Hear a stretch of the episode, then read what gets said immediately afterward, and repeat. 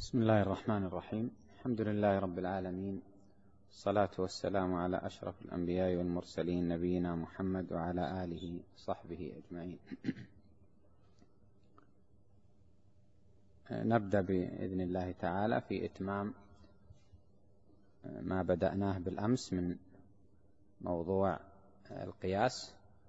كنا قد وقفنا عند قياس الشبه.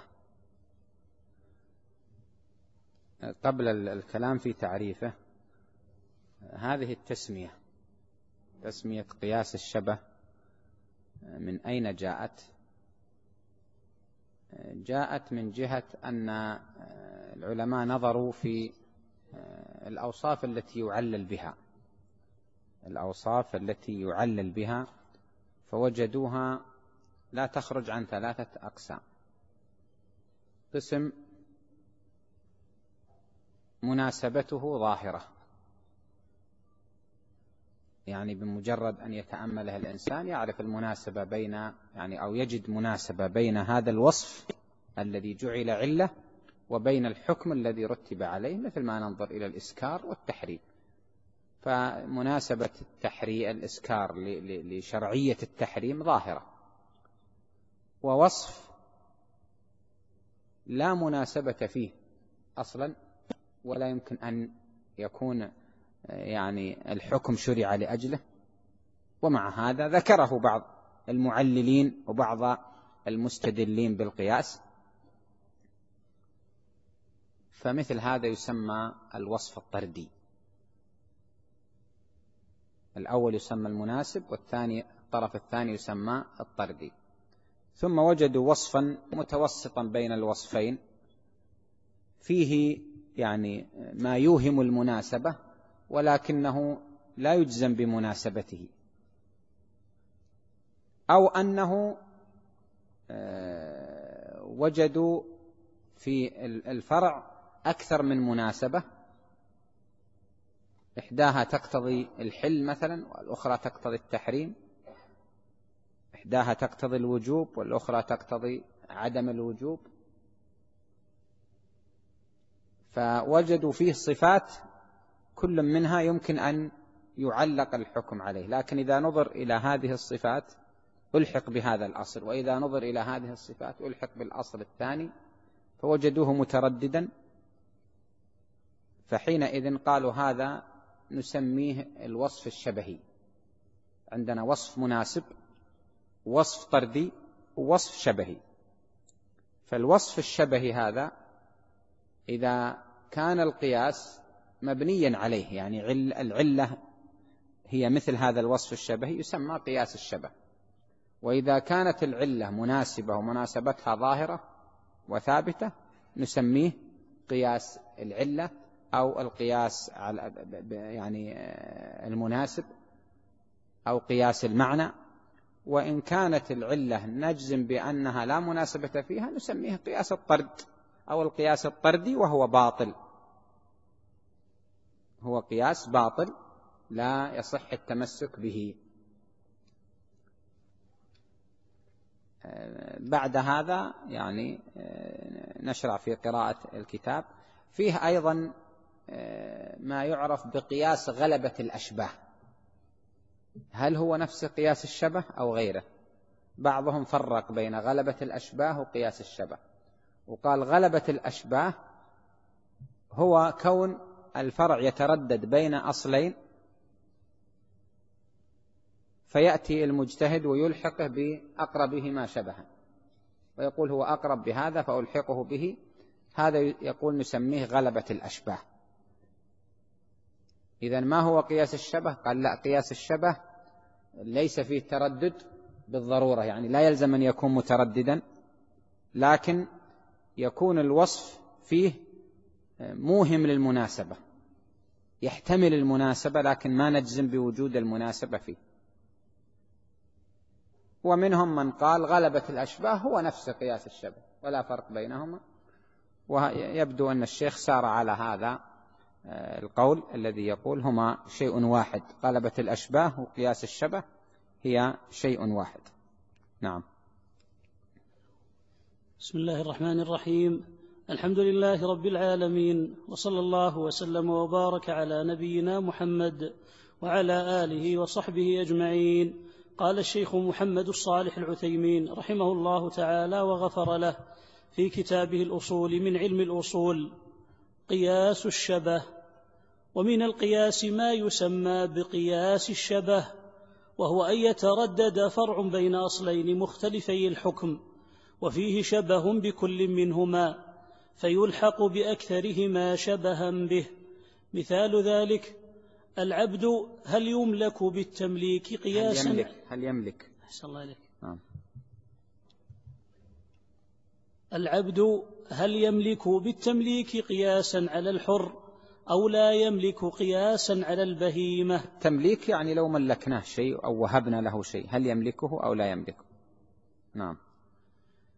إذا نظرنا إلى هذين الأصلين الحر والبهيمة. وجدنا أن العبد متردد بينهما فمن حيث أنه إنسان عاقل يثاب ويعاقب وينكح ويطلق يشبه الحر. ومن حيث أنه يباع ويرهن ويوقف ويوهب ويورث ولا يودع ويضمن بالقيمة ويتصرف فيه. ولا ويورث ولا يرث. عندي رعاك الله يورث ويورث ولا يرث. صوبها نعم. أه، صوابها؟ ولا يرث نعم. الصواب ولا يرث. ويورث ولا يرث. نعم. نعم أحسن الله عليك. ويوهب ويورث ولا يرث ولا يودع ويضمن بالقيمة ويتص... لا ما دخل ولا يودع. هذه احذفها هي بدل ولا يرث. إيه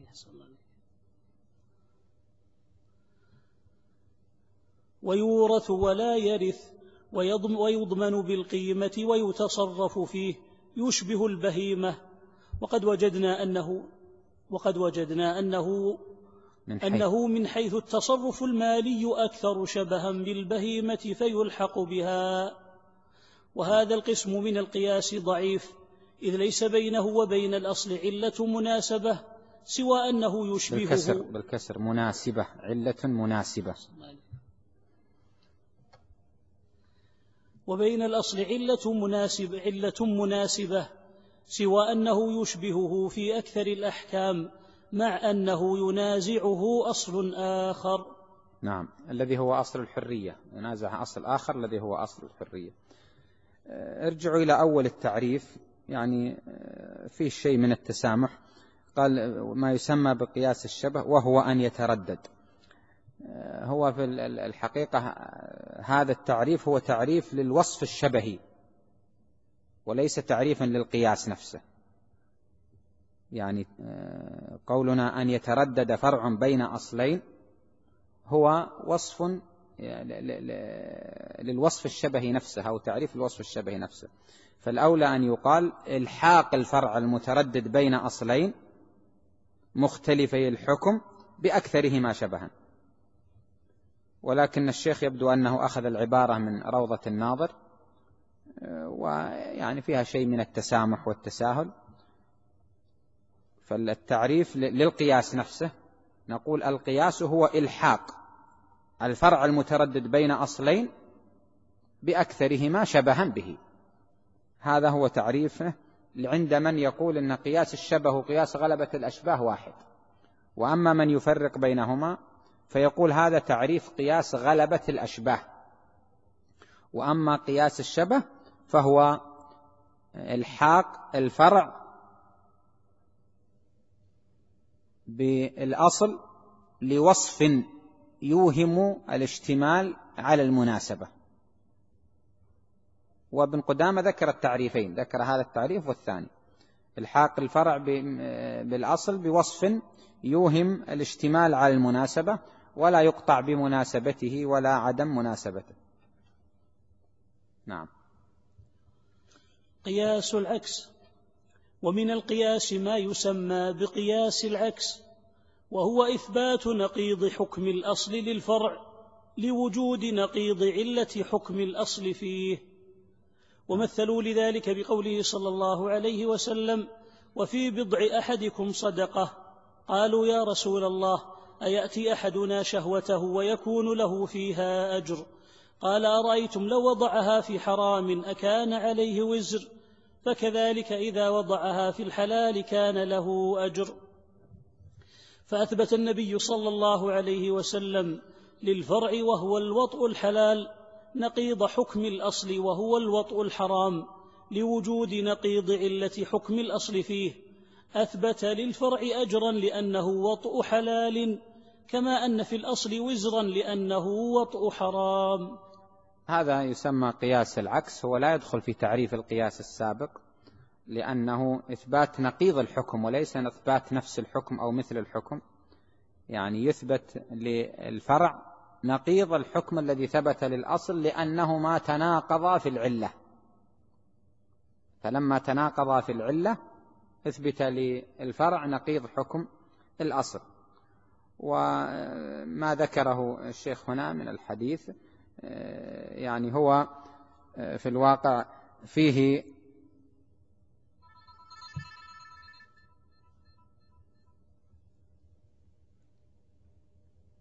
فنقول يعني الحديث هنا إذا أردنا أن نعيده إلى قياس أو إلى نوع من قياس العكس نقول أن الرسول صلى الله عليه وسلم قاس الوطأ وطأ الرجل زوجته على وطأ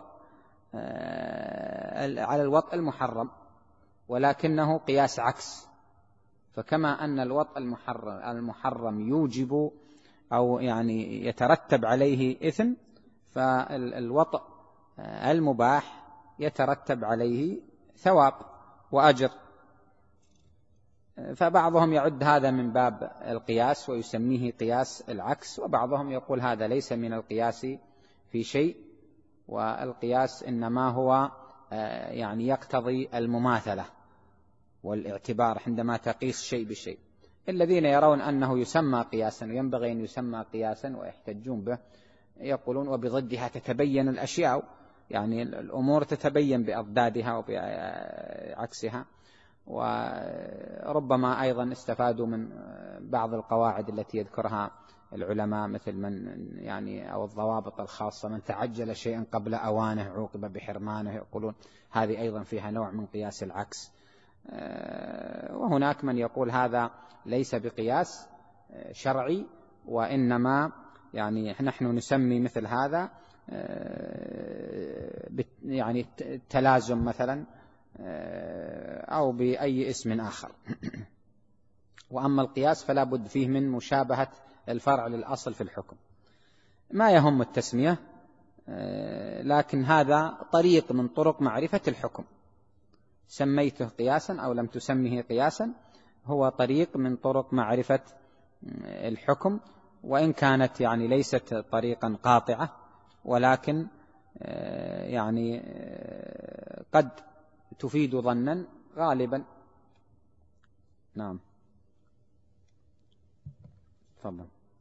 التعارض تعريفه التعارض لغة التقابل والتمانع. واصطلاحا تقابل الدليلين بحيث يخالف أحدهما الآخر. وأقسام التعارض أربعة. الأول أن يكون بين دليلين عامين وله أربع حالات. الأولى أن يمكن الجمع بينهما بحيث يحمل كل منهما على حال لا يناقض الآخر فيها فيجب الجمع.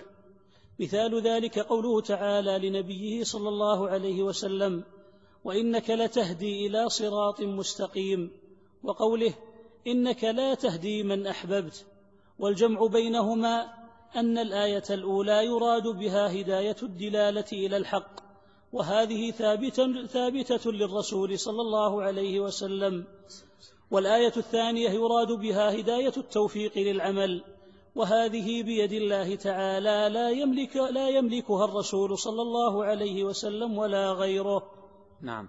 التعارض يعني يطلق في في اللغة على التقابل والتمانع والتدافع وهو مأخوذ من آه، العرض لأن المعارض كأنه يقف آه، معترضا طريق آه، المعارض. وفي الاصطلاح هو تقابل الدليلين على سبيل التمانع أو بحيث يعني يمنع ثبوت هذا من ثبوت الآخر. هل التعارض واقع حقيقي بين الأدلة أو ظاهري؟ التعارض بين الأدلة تعارض ظاهري. يعني جمهور العلماء يقولون هو تعارض ظاهري لا يوجد تعارض حقيقي بين الأدلة.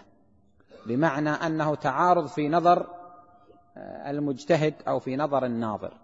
الناظر تعارض عنده الدليلان وأما في واقع الأمر فلا بد أن يكون الثابت أحدهما ولا بد أن يكون يعني الذي عليه المعول وهو أحد هذين الدليلين وليس آه، كليهما.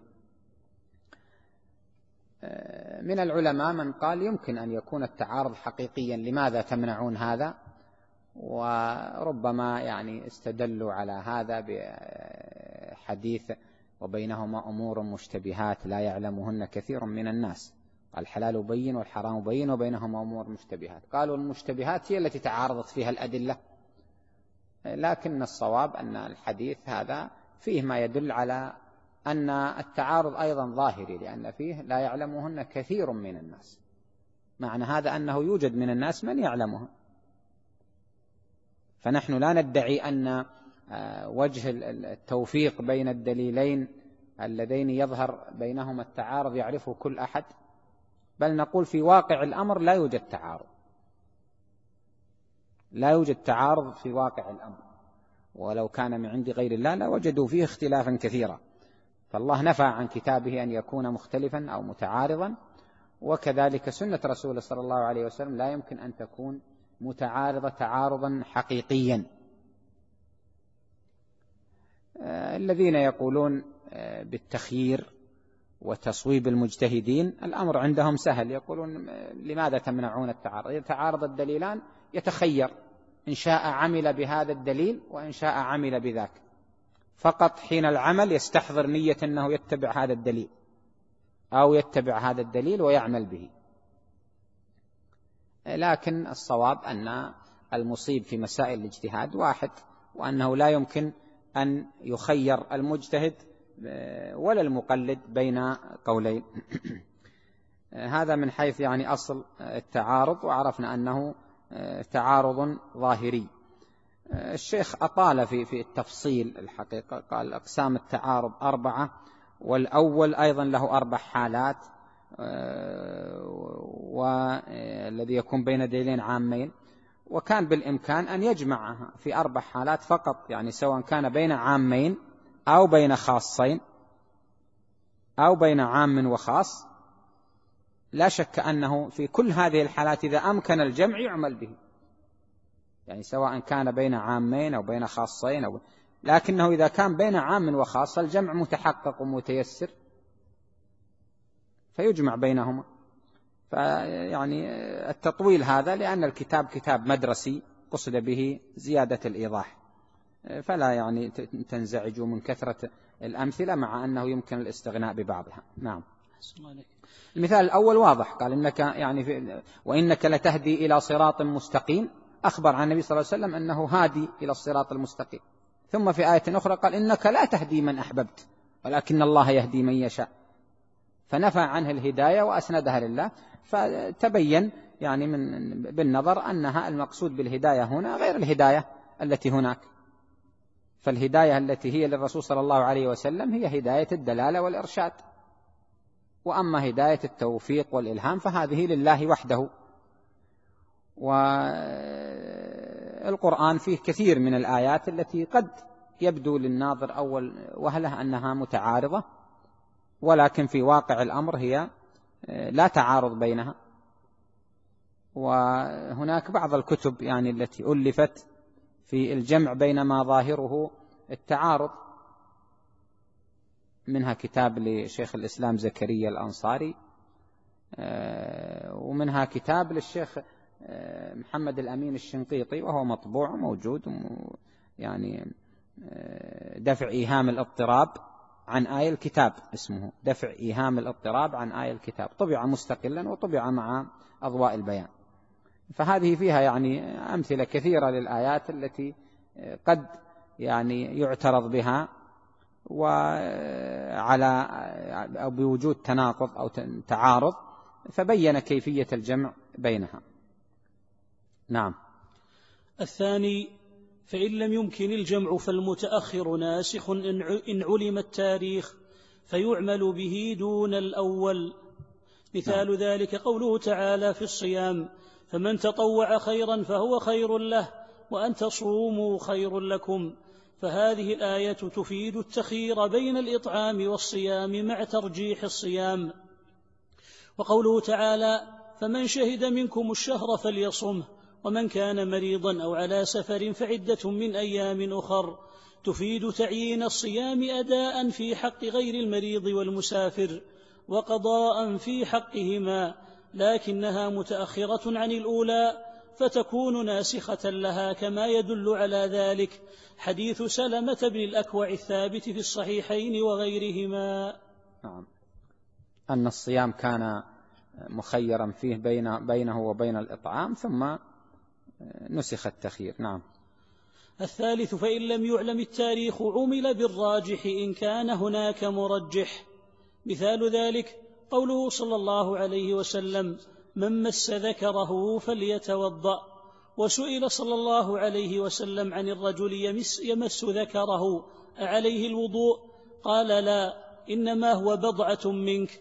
فيرجح الأول لأنه أحوط ولأنه أكثر طرقا ومصححوه أكثر ولأنه ناقل عن الأصل ففيه زيادة علم. نعم. الرابع فإن لم يوجد مرش فإن لم يوجد مرجح وجب التوقف ولا يوجد له مثال صحيح. المقصود بهذه الصورة وهذه الحالة أنه إذا لم يجد هذا في عند المجتهد. في الحالة التي لا تجد مرجحا يجب عليك أن تتوقف حتى تبحث وتسأل وتتقصى ثم يتبين لك الأمر. أما في حال عدم تبين الراجح فيجب عليك أن تتوقف. وليس صحيحا ما يقوله بعضهم من أنه إذا تعارض عند المجتهد دليلان تخير اختار أيهما وعمل به هذا ليس بصحيح لأن هذا يصبح عملا بالهوى والتشهي. نعم.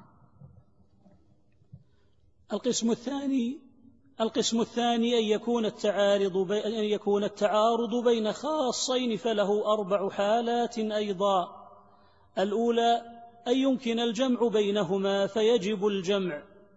مثاله حديث جابر رضي الله تعالى عنه في صفة حج النبي صلى الله عليه وسلم أن النبي صلى الله عليه وسلم صلى الظهر يوم النحر بمكة. وحديث ابن وحديث ابن عمر رضي الله تعالى عنهما أن النبي صلى الله عليه وسلم صلاها بمنى. فيجمع بينهما بأنه صلاها بمكة. ولما خرج إلى منى أعادها بمن فيها من أصحابه. نعم. الثاني فإن لأنها هذا خاص ما يمكن الجمع إلا بتعدد الحالة.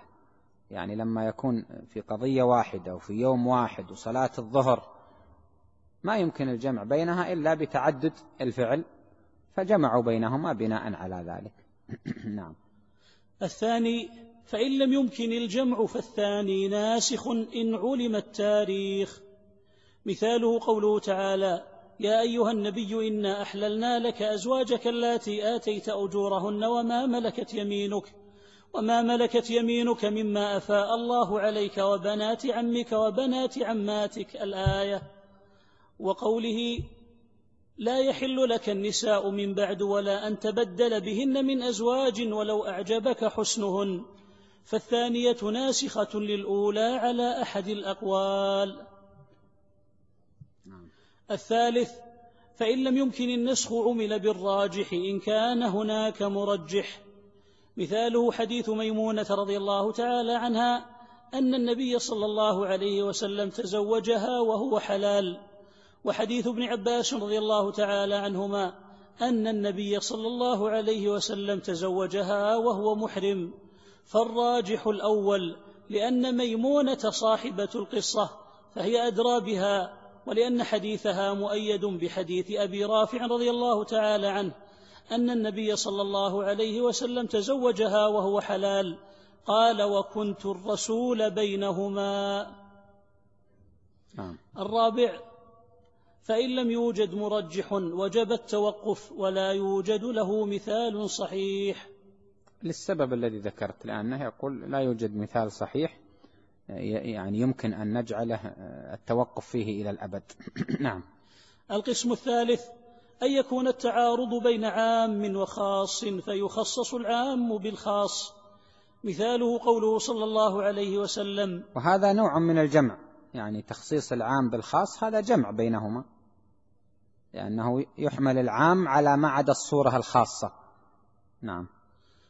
مثاله قوله صلى الله عليه وسلم فيما سقت السماء العشر. وقوله ليس فيما دون خمسة أوسق صدقة. فيخصص الأول بالثاني ولا تجب الزكاة إلا فيما بلغ خمسة أوسق. القسم الرابع أن يكون التعارض بين نصين أحدهما أعم من الآخر من وجه وأخص من وجه فله ثلاث حالات. اولا أن يقوم دليل على تخصيص عموم أحدهما بالآخر فيخصص به. مثاله قوله تعالى والذين يتوفون منكم ويذرون ازواجا يتربصن بأنفسهن أربعة أشهر وعشرا. وقوله وأولاة الأحمال أجلهن أن يضعن حملهن. فالأولى خاصة في المتوفى عنها عامة في الحامل وغيرها. والثانية خاصة في الحامل عامة في المتوفى عنها وغيرها عامة في المتوفى عنها وغيرها لكن دل الدليل على تخصيص عموم الأولى بالثانية وذلك أن سبيعة الأسلمية رضي الله تعالى عنها وضعت بعد وفاة زوجها بليال فأذن لها النبي صلى الله عليه وسلم أن تتزوج وعلى هذا فتكون عدة الحامل إلى وضع الحمل سواء كانت متوفى عنها أم غيرها. هذا يعني مما قد يعني يشكل على بعض الطلاب وهو العام من وجه خاص من وجه لما يتعارض عامان فيهما عموم وجهي تجد أنه يعني يتداخلان في نقطة معينة بينهما تداخل. هذه النقطة اللي فيها التداخل هذه هي التي يقع التعارض فيها. فلو أخذنا الآيتين والذين يتوفون منكم ويذرون أزواجا يتربصن بأنفسهن أربعة أشهر وعشرة. فهذا في النساء المتوفى الأزواج المتوفى عنهن. كأنه قال كل مرأة آه، توفي عنها زوجها فعدتها أربعة أشهر وعشرة. الآية الثانية تقول وأولاة الأحمال أجلهن أن يضعن حملهن. كأنه قال كل امرأة آه، حامل فعدتها وضع الحمل يعني سواء كانت مطلقة أو متوفى عنها. فعندنا يعني آه، أمران ما فيهما خلاف. المرأة المتوفى عنها وهي ليست بحامل هذا النص فيها صريح أن عدتها أربعة أشهر وعشرة وليس له معارض. لكن المرأة المتوفى عنها وهي حامل تعارض فيه آه، مدلول الآية الأولى ومدلول الآية الثانية. إذا نظرت المدلول الآية الأولى يشمله لأنها امرأة متوفى عنها. والنص يقول أن عدتها أربعة أشهر وعشرة. إذا نظرت أيضا إلى الآية الثانية ما قالت المطلقات وإنما قالت وأولاة الأحمال أجلهن أن يضعن حملهن. ما خصت المطلقة من غيرها. قال كل ذات حمل عدتها وضع الحمل. فهذا يشمل المتوفى عنها والمطلقة. فتداخل يعني في المتوفى عنها الحامل. إذا كانت حاملا وهي متوفى عنها هل تعتد بأربعة أشهر وعشرة أو تعتد بوضع الحمل؟ أو تعتد بأبعد الأجلين. أو تعتد بأبعد الأجلين. يعني هناك من العلماء من قال تعتد بأبعد الأجلين. لأنها إذا كانت أربعة أشهر وعشرة تزيد عن ما بقي من الحمل فأنا ألزمها بها لأن الآية صريحة في أن عدتها أربعة أشهر وعشرة. وإن كانت الحمل سيزيد عن أربعة أشهر وعشرة أيضا أجعل عدتها وضع الحمل. إذا كانت مثلا توفي عنها في الشهر الأول أو في الشهر الثاني ستزيد عن أربعة أشهر وعشرة. ومن العلماء من قال بأن الحامل عدتها وضع الحمل. سواء استمرت أربعة أشهر وعشرا أو يوما أو يومين. واستدلوا على هذا بحديث سبيعة الأسلمية وهؤلاء أقرب للصواب لأن معهم نص يدل على أن الرسول صلى الله عليه وسلم أذن لسبيعة الأسلمية أن تتزوج وقد وضعت بعد وفاة زوجها بليال. والحديث يعني صحيح وصريح في هذا الحكم. فهذا جمع بينهما يعني تقديم أحدهما الحقيقة تقديم أحدهما على الآخر بسبب ورود النص الدال على ذلك. نعم. وإن لم يقم دليل على تخصيص عموم أحدهما بالآخر عمل بالراجح. مثال ذلك قوله صلى الله عليه وسلم إذا دخل أحدكم المسجد فلا يجلس حتى يصلي ركعتين وقوله لا صلاة بعد الصبح حتى تطلع الشمس ولا صلاة بعد العصر حتى تغرب الشمس فالأول خاص في تحية المسجد عام في الوقت والثاني خاص في الوقت عام في الصلاة. يشمل تحية المسجد وغيرها لكن الراجح تخصيص عموم الثاني بالأول. فتجوز تحية المسجد في الأوقات المنهي عن عموم الصلاة فيها. وإنما رجحنا ذلك لأن تخصيص عموم الثاني قد ثبت بغير تحية المسجد. لأن تخصيص لأن تخصيص عموم الثاني قد ثبت بغير تحية المسجد كقضاء المفروضة وإعادة الجماعة الثاني الذي هو لا صلاة بعد الصبح. يعني تخصيصه يقول قد ثبت بغير تحية المسجد. يعني وجد له مخصص هو عام مخصوص والأول عام محفوظ. لا نعرف له مخصصا فيقدم العام المحفوظ على العام المخصوص. نعم. كقضاء المفروضة وإعادة الجماعة فضعف عمومه. نعم. يعني ضعف العموم يعني عرفنا أيضا فيما تعارض. الحديثان إذا دخل أحدكم المسجد فلا يجلس حتى يصلي ركعتين. كأنه قال في أي وقت دخلت المسجد لا بد أن تصلي ركعتين حتى ولو كان قبيل المغرب. بدقائق. والحديث الآخر يقول لا يجوز الصلاة بعد العصر حتى تطلع حتى تغرب الشمس ولا بعد الفجر حتى تطلع الشمس. فكأنه يقول ليس لك أن تصلي أبدا لا صلاة آه، يعني لا, لا, لا قضاء ولا آه، نافلة ولا واجبا ولا نذرا ليس لك أن تفعل هذا. يقول تعارض في في آه، تحية المسجد. تعارض في تحية المسجد. هل نصليها عند الغروب؟ طبعا تحية المسجد فيما فيما سوى هذين الوقتين لا إشكال فيها. والصلاة النافلة صلاة النافلة المطلقة في آه، هذين الوقتين أيضا لا إشكال فيه لو سئلت مثلا هل يجوز أن أتنفل؟ قبيل المغرب لا يجوز. حتى تغرب الشمس ما بين العصر والمغرب ما يوجد لا يجوز التنفل.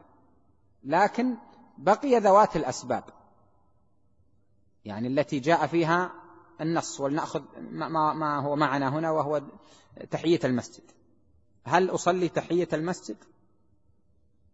إن نظرت إلى الحديث الأول قلت نعم وإن نظرت إلى الثاني قلت لا. فهما متعارضان في تحية المسجد قبيل الغروب وبعد آه، الفجر. هل تصلى أو لا تصلى؟ الشيخ قال تقدم آه، يعني يقدم الحديث الذي فيه الأمر بالصلاة على الحديث الذي فيه النهي عن الصلاة. لماذا؟ قال يعلل هذا بأن الحديث الثاني مخصوص لم يبقى على عمومه. يعني النهي هنا لا صلاة بعد العصر ليس باقيا على عمومه لأنهم اتفقوا على أن من نام عن صلاة أو نسيها كما ورد في النص فليصليها إذا ذكرها. حتى ولو كان قبيل الغروب صح من نومه قبل الغروب يصلي. فإذا الفترة ما بين صلاة العصر وبين المغرب كانت منهيا عنها لكن حديث قضاء الفوائد خصصها. فالفوائد تصلى في هذا الوقت باتفاق. مع أن الحنفية يقولون لا تصلي إلا عصر يومك. يعني عصر يومك تصليها أما بقية الفوائد ما تصليها. لكنهم إذا هم معنا في أنه مخصص ليس باق على عمومه. فيقول هذا حديث مخصوص والأول حديث لا نعرف له مخصصا. ما في شيء يمنع منه بل حتى إذا جاء والإمام يخطب. هو مأمور بأن يصلي ركعتين. فيقول يقدم الحديث آه، حديث الأمر بالصلاة على حديث النهي لأنه عام محفوظ آه، عارض عاما آه، مخصوصا. هناك من عكس وقال ينبغي أن نقدم النهي على الأمر. ينبغي أن نقدم حديث النهي على الأمر لأن ترك المنهي أهم من فعل المأمور. فالمنهيات يندر أن يكون فيها منهيا عنه للكراهة. أكثر المنهيات تكون للتحريم. لو استعرضت نصوص النهي في القرآن تجد أكثر المنهيات محرمة. لكن لو استعرضت نصوص الأمر تجد أكثرها على الندب. هناك من قال هذا. نعم. وإن لم يقم دليل ولا مرجح لتخصيص عموم أحدهما بالثاني وجب العمل بكل منهما فيما لا يتعارضان فيه والتوقف في الصورة التي يتعارضان فيها.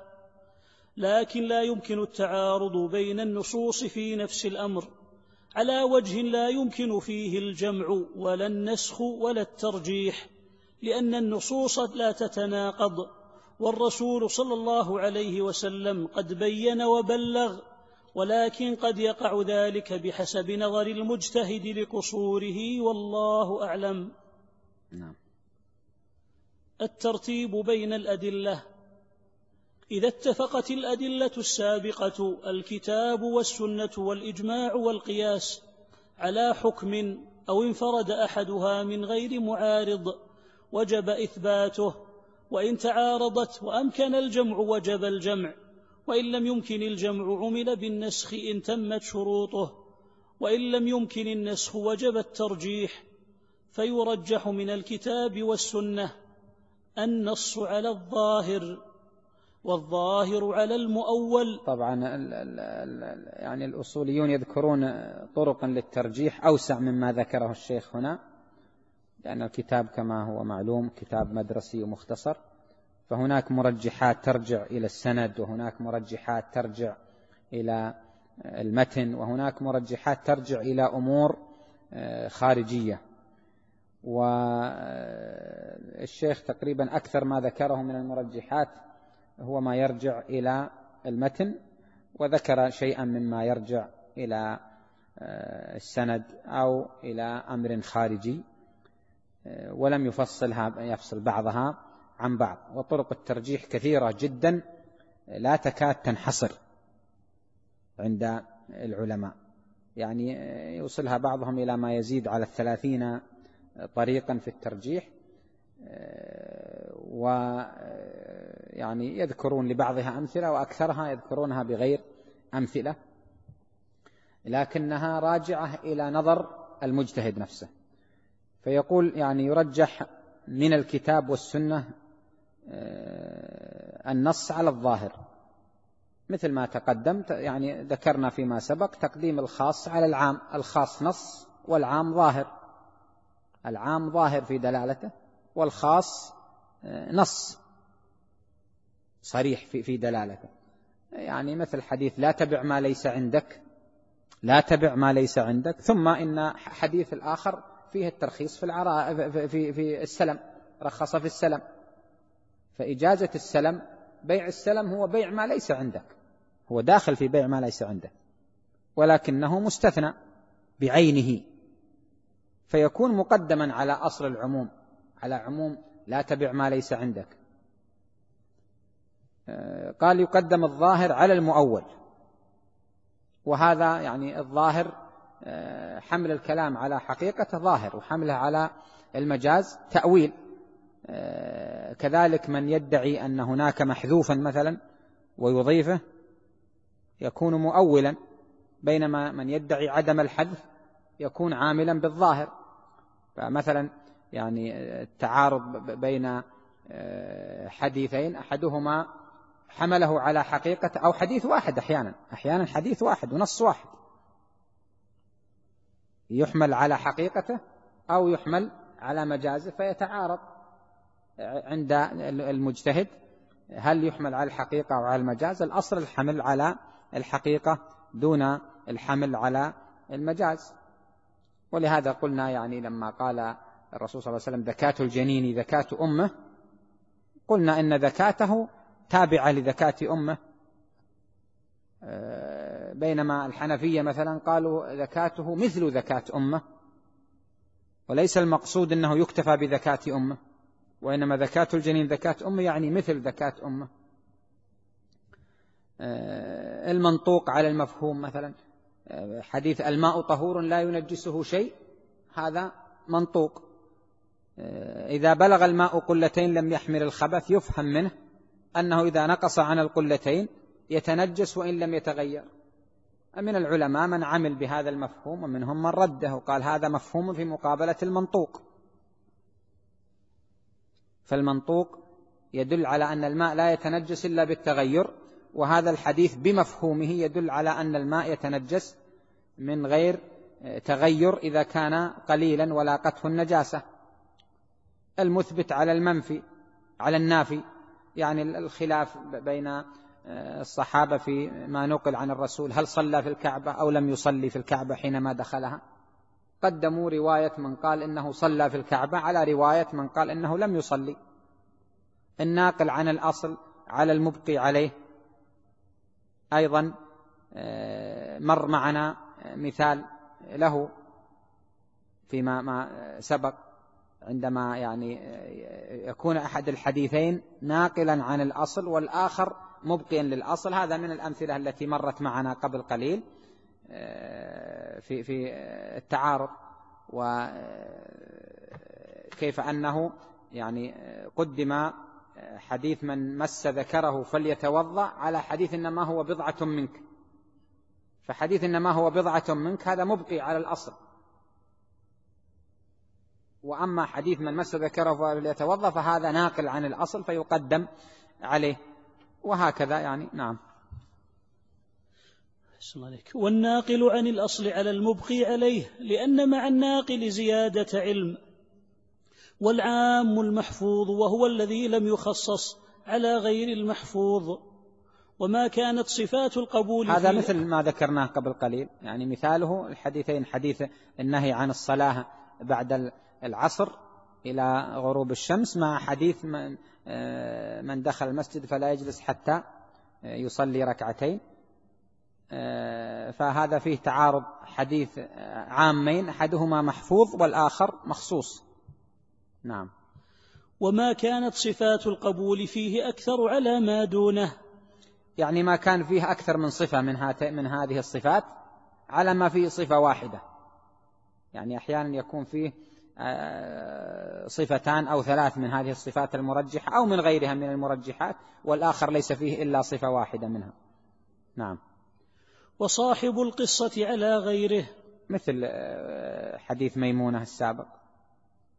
ويقدم من الإجماع القطعي على الظني. نعم يعني حينما تتعارض الإجماعات أو ينقل تعارض إجماعات لا شك أنه لا يمكن التعارض بين الإجماعات وأن آه، الصحيح واحد منها. فالقطعي يكون مقدما على الظني. لا يمكن أن نعمل بالظني ونترك القطعي. نعم. ويقدم من القياس الجلي على الخفي. نعم يقدم القياس الجلي على الخفي لكن الحنفية يقولون في بعض الأحيان ربما نقدم القياس الخفي لأنه مستند أو معتضد بأدلة أخرى وله يعني وجه رجحان ويسمون هذا بالاستحسان. يسمونه الاستحسان فيقدمون بعض الأقيسة على بعض ويضربون لهذا أمثلة أمثلة الاستحسان كثيرة عندهم. يقولون القياس مثلا أن بيع السلم لا يجوز. ولكنه يجوز استحسانا لوجود النص. القياس مثلا أن الآبار لا يمكن تطهيرها من النجاسة إذا تنجست. وكذلك الأحواض. لأن القياس الجلي يقتضي أنها تغسل كما تغسل الثياب. لكن هل يمكن أن تغسل البئر أو تغسل الحوض؟ ما يمكن. فيقولون الاستحسان يقتضي بأنها يمكن تطهيرها بالمكاثرة أو بالنزح. بالمكاثرة بأن تصب ماء كثيرا حتى تضيع النجاسة وتصبح لا أثر لها. وبالنزح أن تنزح من البير عددا من الدلاء حتى يذهب يعني أثر النجاسة الظاهر فحينئذ تكون بعد ذلك طاهرة. نعم. المفتي والمستفتي. المفتي هو المخبر عن حكم شرعي والمستفتي هو السائل عن حكم شرعي. شروط الفتوى يشترط لجواز الفتوى شروط منها اولا أن يكون المفتي عارفا بالحكم يقينا أو ظنا راجحا وإلا وجب عليه التوقف. ثانيا أن يتصور السؤال تصورا تاما. ليتمكن من الحكم عليه فإن الحكم على الشيء فرع عن تصوره. فإذا أشكل عليه معنى كلام المستفتي سأله عنه وإن كان يحتاج إلى تفصيل استفصله أو ذكر التفصيل في الجواب. فإذا سئل عن امرئ هلك عن بنت وأخ وعم شقيق فليسأل عن الأخ هل هو لأم أو لا أو يفصل في الجواب. فإن كان لأم فلا شيء له والباقي بعد فرض البنت للعم. وإن كان لغير أم فالباقي بعد فرض البنت له ولا شيء للعم. نعم هذه يعني تكلم الشيخ هنا عن شروط الفتوى. وذكر أن المفتي لا بد أن يكون عارفا بالحكم يقينا بمعنى أنه يعرف الدليل الدال على الحكم يعرف النص ويعرف أنه لا معارض له أو إن وجد له معارض في الظاهر يعرف كيف أن هذا أرجح منه. أو ظنا يعني يعرف أن هذا آه، الحديث يدل على هذا الحكم ويغلب على ظنه أنه آه، لا ناسخ له ولا معارض. ولكن من الذي يعتبر ظنه؟ من هو الذي يعتبر ظنه؟ هل العامي إذا عرف حديثا وقال أنا أظن أن هذا غير منسوخ فلهذا أفتيت به هل يجوز له ذلك؟ لا يجوز له ذلك. ولهذا يعني أكثر العلماء نصوا على أن من شروط المفتي أن يكون مجتهدا. أن يكون مجتهدا. وحائزا على شروط الاجتهاد الآتي ذكرها.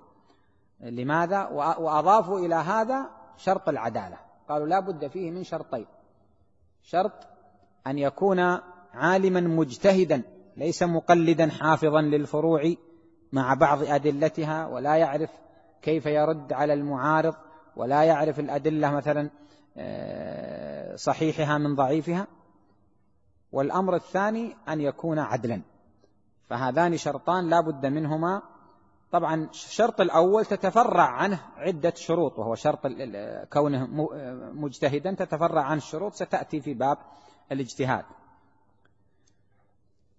آه، الشيخ اكتفى هنا بقوله أن يكون المفتي عارفا بالحكم يقينا أو ظنا راجحا وإلا وجب عليه التوقف.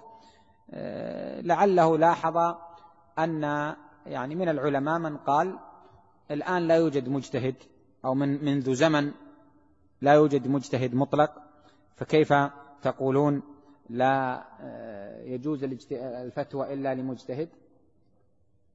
آه، فالعلماء بحثوا هذه المسألة. هل يجوز الفتوى من المقلد بمذهب العالم الذي يقلده؟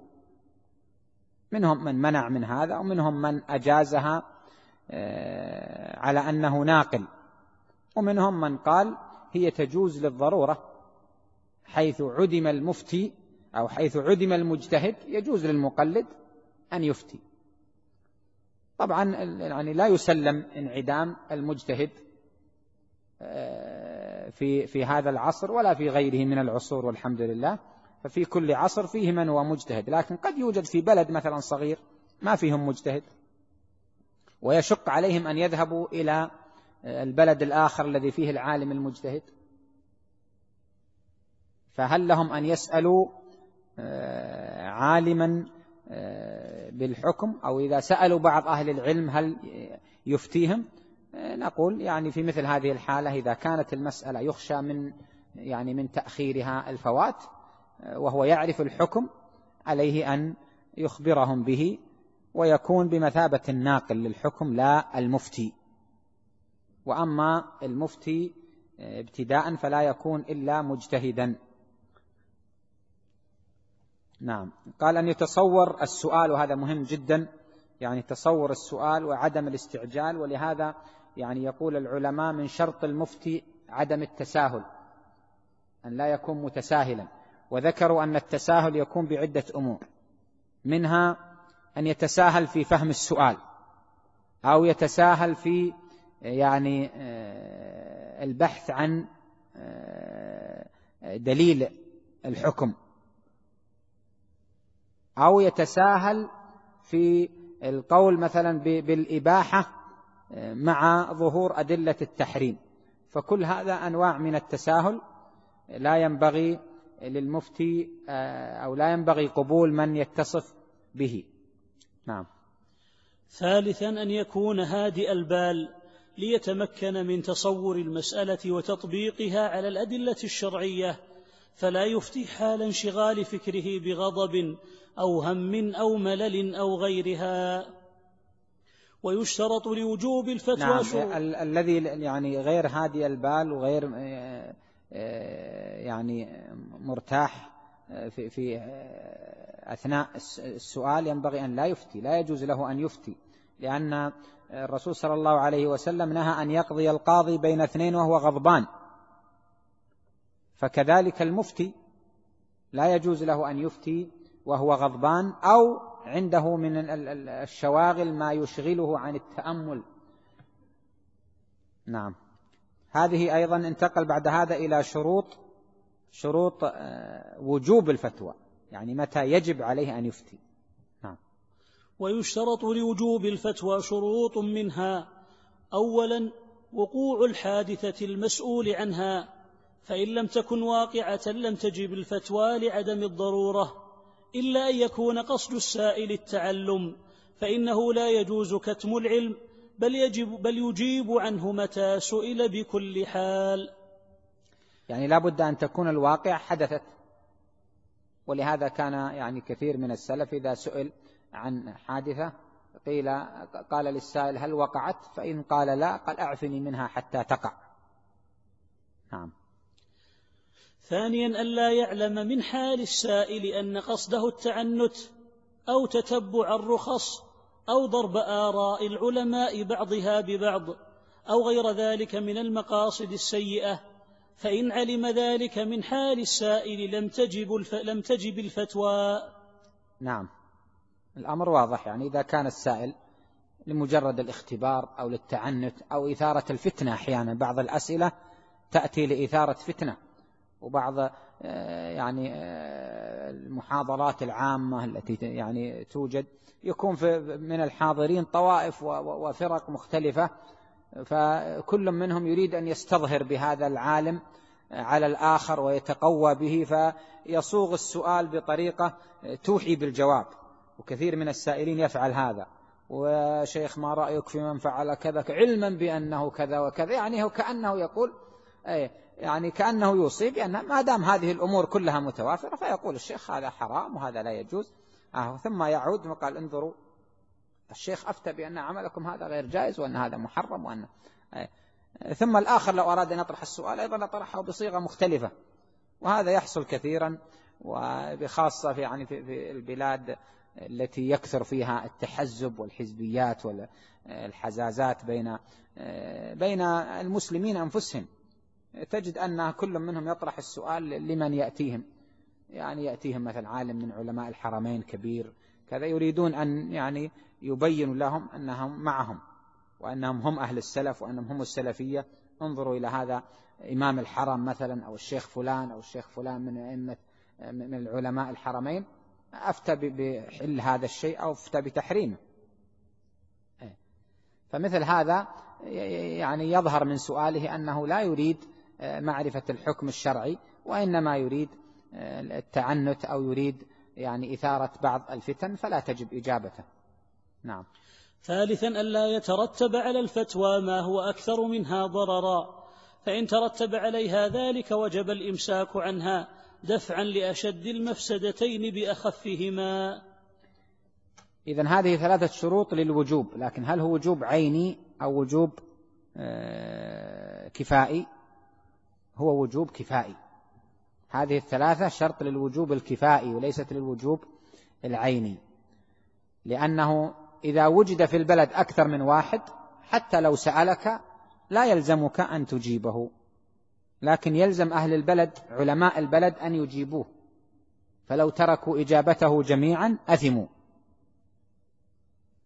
فهذه شروط للوجوب الكفائي. يعني حتى لو تحققت هذه. يعني الحادثة واقعة والسائل يريد الحكم وليس متعنتا ولا يترتب على الفتوى ما هو أكثر منها ضررا من فتنة أو غيرها فإنه لا يلزم على المسؤول أن يجيب إذا وجد علماء آخرون في البلد. بل يمكن أن يحيله عليهم ولكنه يجب على مجموع العلماء أن يفتوا. العامة ولا يتركوهم بدون آه، جواب على أسئلتهم. ما يلزم المستفتي؟ لعلنا ناخذ بعض الأسئلة إذا كان فيه. يعني ما بقي إلا دقائق. طيب اقرأ ما يلزم المستفتي حتى نقف عند الاجتهاد. نعم. ما يلزم المستفتي؟ يلزم المستفتي أمور. الأول أن يريد باستفتائه الحق والعمل به. لا تتبع الرخص وإفحام المفتي وغير ذلك من المقاصد السيئة. الثاني ألا يستفتي إلا من يعلم أو يغلب على ظنه أنه أهل للفتوى وينبغي أن يختار أوثق المفتين علما وورعا وقيل يجب ذلك. هذه السطر الأخير مسألة مستقلة. إذا يلزم المستفتي أمران. الأول أن يريد باستفتائه الحق والعمل به وأنه لا يريد فقط أن يتتبع الرخص ويسأل أكثر من عالم ليبحث عن أسهل الأقوال ليأخذ بها ولا يريد أيضا إفحام المفتي أو إيقاعه في حرج آه، وغير ذلك من المقاصد السيئة. هذا أولا يعني المفتي من المستفتي من آدابه أن يكون طالبا للحق أن يكون باحثا عن الحق. وسائلا يعني مسترشدا ليعمل. آه، الأمر الثاني أن لا يستفتي إلا من يغلب على ظنه أنه من أهل الفتوى وهو ما توافر فيه شرطان. ذكرناهما قبل قليل إجمالا. الشرط الأول أن يكون عالما معتبرا مؤهلا للفتوى. الثاني أن يكون عدلا يعني لابد من العلم والعدالة. فلا يسأل المستفتي إلا من عرفه بالعلم والعدالة. أما من عرفه بالجهل أو اشتبه عليه هل هو من أهل العلم الذين يحق لهم الفتوى أو لا فلا يجوز له سؤاله.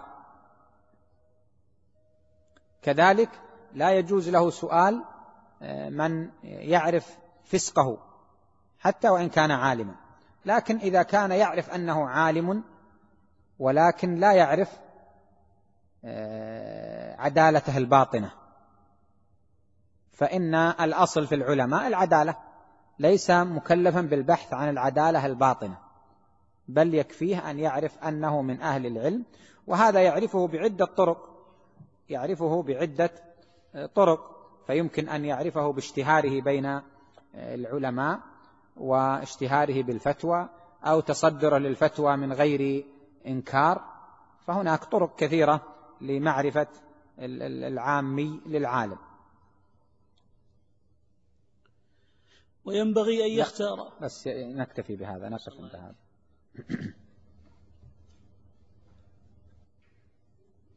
هذه أسئلة في مسائل فرعية ليست في الدرس الحقيقة.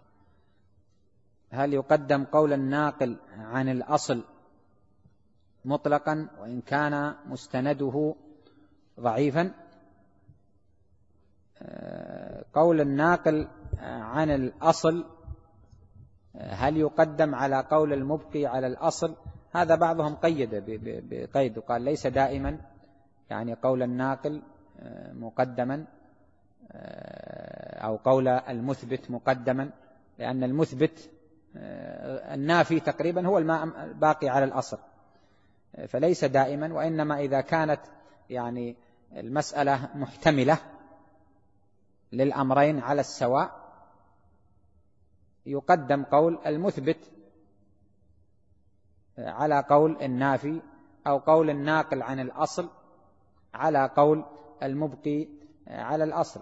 أما حيث يوجد مرجحات أخرى فلا. فهذه المرجحات يضم بعضها إلى بعض. هذا يقول قلتم بالأمس يجوز الأخذ من المعتزلة إذا كان كلامهم صحيحا وتقول الآن من شروط المفتي أن يكون عدلا وهو وهؤلاء ليسوا بعدول كما فرق بين الفتوى وبين آه، الاستفادة من العلم والمؤلفات و يعني آه، الاستفتاء شيء والاستفتاء آه، المستفتي يسلم رقبته للمفتي المقلد. لماذا سمي مقلدا؟ يقولون لأنه يضع قول المفتي كالقلادة في عنقه يقوده كيف يشاء. فغير التقليد ليس يعني الاستفادة. فالاستفادة من الكلام حينما تسمع كلام الآخر سواء كان موافقا لك أو مخالفا وتجد فيه حقا لك أن تأخذ حتى ولو لم يكن مسلما لو لم يكن من أهل الإسلام يمكن أن تستفيد من كلامه ولهذا يقولون يعني آه، يقول الشاعر عدائي لهم فضل علي ومنة فلا أذهب الرحمن عن الأعادي. هم علموني زلتي فاجتنبتها وهم نافسوني فارتقيت المعالي. فأحيانا ينبهونك إلى بعض الأخطاء عندك وتراجع نفسك وتجد أنها خطأ. يعني أنت في أثناء قراءتك مثلا لبعض كتب المخالفين ستجد أنهم يذكرون بعض الأمور التي قد تكون واقعا فيها. فأنت تعود لنفسك وتراجع نفسك وتصحح هذا الخطأ. فلا بأس. طيب يعني بقية الكلام هو تكملة يعني كأنه يقول أو نقول كذا أن كلامهم إذا وافق كلام أهل السنة فنأخذ به. وهنا يقال في من الإسرائيليات ما كان موافقا للشرع آه، إلى آخر كلام السائل. فالخلاصة أنه يمكن أن نجد في كلام المخالف آه، ما هو حق. والغالب أن الفرق حينما يتكلمون يخلطوا كلامهم بحق وباطل. هو لو كان باطلا صرفا ما قبله أحد لكن ستجد فيه آه، خلط الباطل بالحق. فإذا كنت قادرا على تمحيصه فهذا خير وبركة فتأخذ ما فيه من الحق وتترك ما فيه من الباطل. يعني يقول ما ورد من مسح العنق في الوضوء هل هو صحيح أو ضعيف لم يثبت وهل هناك حرج إذا فعلته من باب التبرد. فرق بين أن يفعل الإنسان شيئا على أنه نوع من العبادة وبين يفعله على سبيل التبرد. يعني الذي يفعل على سبيل التبرد لا يمكن أن ينكر عليه لكن إذا كان قدوة أو يقتدى به فينبغي أن لا يفعل إلا ما وردت به السنة. يعني هذا يسأل يقول سمعت قائلا يقول صلى الله عليه وسلم هل أقول عليه الصلاة والسلام وأنا أصلي؟ المصلي ينبغي أن يقبل على صلاته ينبغي أن يقبل على صلاته ولا ينشغل بمن يتكلم حوله. وإن شاء الله هو سيصلي على النبي صلى الله عليه وسلم في أثناء صلاته. هذه يعني الأسئلة التي وردت والبقية. هذا يقول شروط ناقل الفتوى. شروط ناقل الفتوى يعني أن يكون على علم بما ينقله بمعنى أنه يفهم معاني الكلام ويفهم مدلولاتها ومصطلحات العلماء. بعض الناس ما يعرف الفرق بين المحرم والمكروه. ولا الفرق بين آه، المندوب والواجب. ولهذا مثل هذا لا يجوز له النقل. كذلك بعضهم ربما يعني يترك بعض الأشياء التي لها تأثير في الفتوى. فينقل الفتوى ويقول الشيخ فلان أفتى في من فعل كذا أنه عليه كذا. ولكنه لم يعني يذكر كل ما قيل في السؤال مثلا. يعني قد يسأل يقول أنا مثلا لا أعلم وأتيت وفعلت كذا وكذا من غير آه، علم مني. فيقول له الشيخ لا حرج عليك. فيأتي في نقل الفتوى بعضهم يقول الشيخ نقل عمن فعل كذا فقال لا حرج. الشيخ ما نقل عمن فعل كذا مطلقا وإنما يعني هو سئل. لم يسأل عمن فعل كذا مطلقا وإنما إنما سئل عمن فعل كذا وهو يجهل فقال لا حرج عليه. فلا تجمع يعني لا, لا تترك لا يترك ما, له تأثير فإن كان لا بد أن يكون إذن من أهل العلم ولكنه يكون يعني من طلاب العلم الذين يعرفون الفوارق بين هذه الأمور فيحق له نقل الفتوى. هل يقدم العالم البارع في أصول الفقه وإن لم يكن حافظا للأحكام بأدلتها على الفقيه الذي يحفظ الأحكام بأدلتها؟ طبعا لا يمكن أن يكون هناك فقيه يحفظ الأحكام بأدلتها ويعرف كيفية الاستدلال بها إلا وهو عارف بأصول الفقه. يعني لا بد أن يكون عارفا بأصول الفقه آه، وبكيفية استفادة الأحكام وإلا لا يمكن أن يكون عارفا للأحكام بأدلتها. أما الحافظ للأحكام فهذا ليس بفقيه يعني مجرد حفظ الأحكام ليس آه، فقها. يقول ما رأيك في من يجرح العلماء ويقول العالم الفلاني أعلم في العلم الفلاني أو من العالم الفلاني؟ وهو مبتدئ. أي نعم. هذه الزيادة هي التي يعني يعني طلاب العلم المبتدئين لا ينبغي أن يشتغلوا بالمفاضلة بين العلماء والجزم بذلك. ومع أن المفاضلة في حد ذاته ليست تجريحا. يعني حينما نقول فلان أعلم من فلان هذا ليس تجريحا. للمفضول. ولكن هذا يعكس رأي القائل. ولكن مع هذا إذا كان من المبتدئين لا ينبغي أن يشتغل بالمفاضلة لأن المفاضلة أمرها دقيق أيضا. ليس كل أحد يستطيع أن يعرف من هو الأفضل. ولهذا يقولون يعني أن عوام الناس ومن في حكمهم لا يعرفون الأفضل من المفضول إلا باعتراف المفضول بأن فلان أفضل منه. أو بالاستفاضة والشهرة بين الناس بحيث لا تسأل أحدا إلا وقال لك فلان أعلم من فلان. أما ما عدا ذلك فهو علمه دقيق لا يحيط به إلا العلماء. نكتفي بهذا القدر صلى الله وسلم على نبينا محمد وآله وصحبه أجمعين.